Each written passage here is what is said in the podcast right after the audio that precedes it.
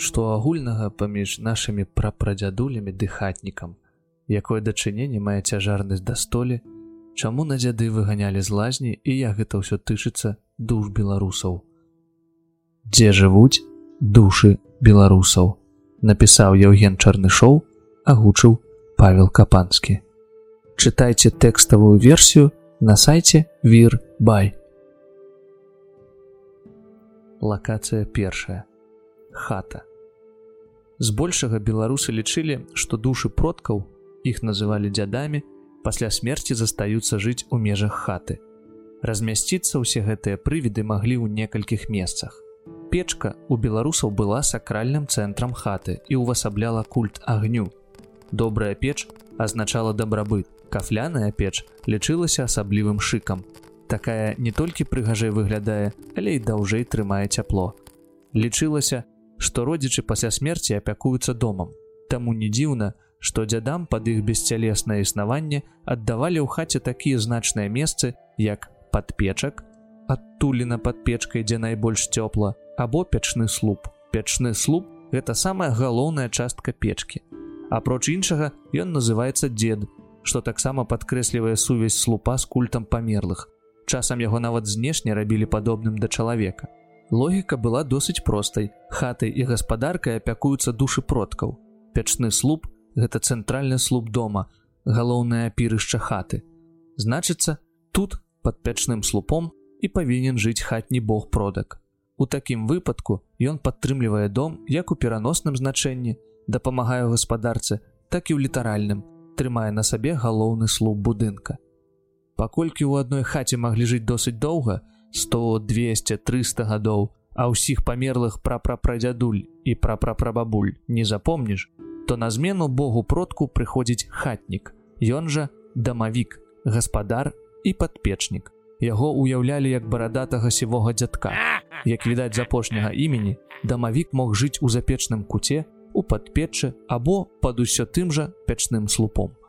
Апроч жытла хатні дзядок атрымліваў у спадчыну і працу Бога продка, дапамагаў у гаспадарцы.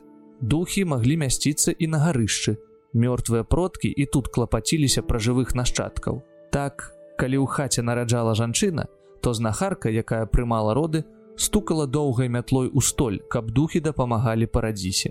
Паколькі праз дзверы ўваходзілі ў дом да цёплай печы і выходзілі ў патэнцыйна варожы свет, то парог у найбольшай ступені сімвалізаваў сабой мяжу паміж жыццём і смерцю. Беларусы верылі, што праз вокны і дзверы ўваходзіць і выходзіць душа, под парогам нават хавалі дзяцей нябожчыкаў. Калі з хаты выносілі труну, то тройчы лёгка стукалі ёй аб парог, каб вытрасці душу. Раней уваход у хату спецыяльна рабілі ніжэйшым за чалавечы рост, каб кожны, хто пераступаў парог, не забываў пакланіцца продкам. Пры гэтым на сам парог наступаць было нельга. Лакацыя другая. Могілкі. Людзі, дзе нарадзіліся і ўскормлены, да таго месца вялікую ласку маюць. Можна меркаваць, што падобным чынам ва ўяўленні беларусаў паводзілі сябе і душы нябожчыкаў, дзе пахаваныя тое месца і любяць найбольш. Як людзі пры жыцці жылі ў вёсках і сёлах, так і душы пасля смерці збіраліся на могілках і стваралі там паселішчы. Аднак не ўсе духі жылі ў паселішчы мёртвых. Былі таксама і прывіды, непрытомнікі. Імі рабіліся душы чарадзеяў, нехрышчоных дзяцей і самагубцаў, якія не маглі трапіць у інша свет і ператвараліся ў русалак, ваўкалакаў і іншых нячысцікаў ніжэйшага рангу. Каб адагнаць гэтых прывідаў, нанач хрысцілі вокны.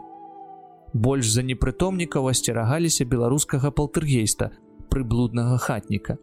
Калі свой дамавік дапамагаў гаспадарам дому, то гэты чужынец толькі шкодзіў, за што нават атрымаў мянушку гвалтоўнік.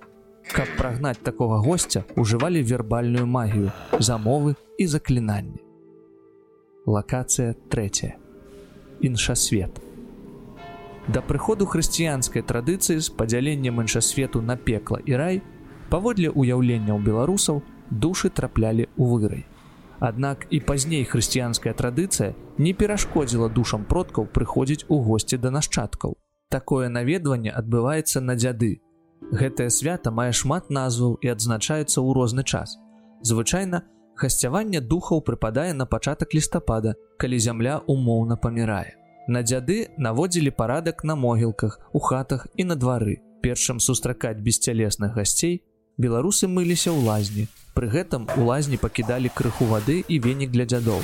Калі нехта заседжваўся, яго падганялі, каб і продкам даў памыцца. Галоўным момантам свята была ежа, памінальная вячэра. Перад яе пачаткам гаспадар клікаў продкаў на вячэру, адчыняючы вокны і дзверы. Колькасць страў і спиртнога была рознай. Аднак, колькі б не елі пілі, абавязкова накладалі і налівалі для продкаў. Пра іх жа збольшага і размаўлялі.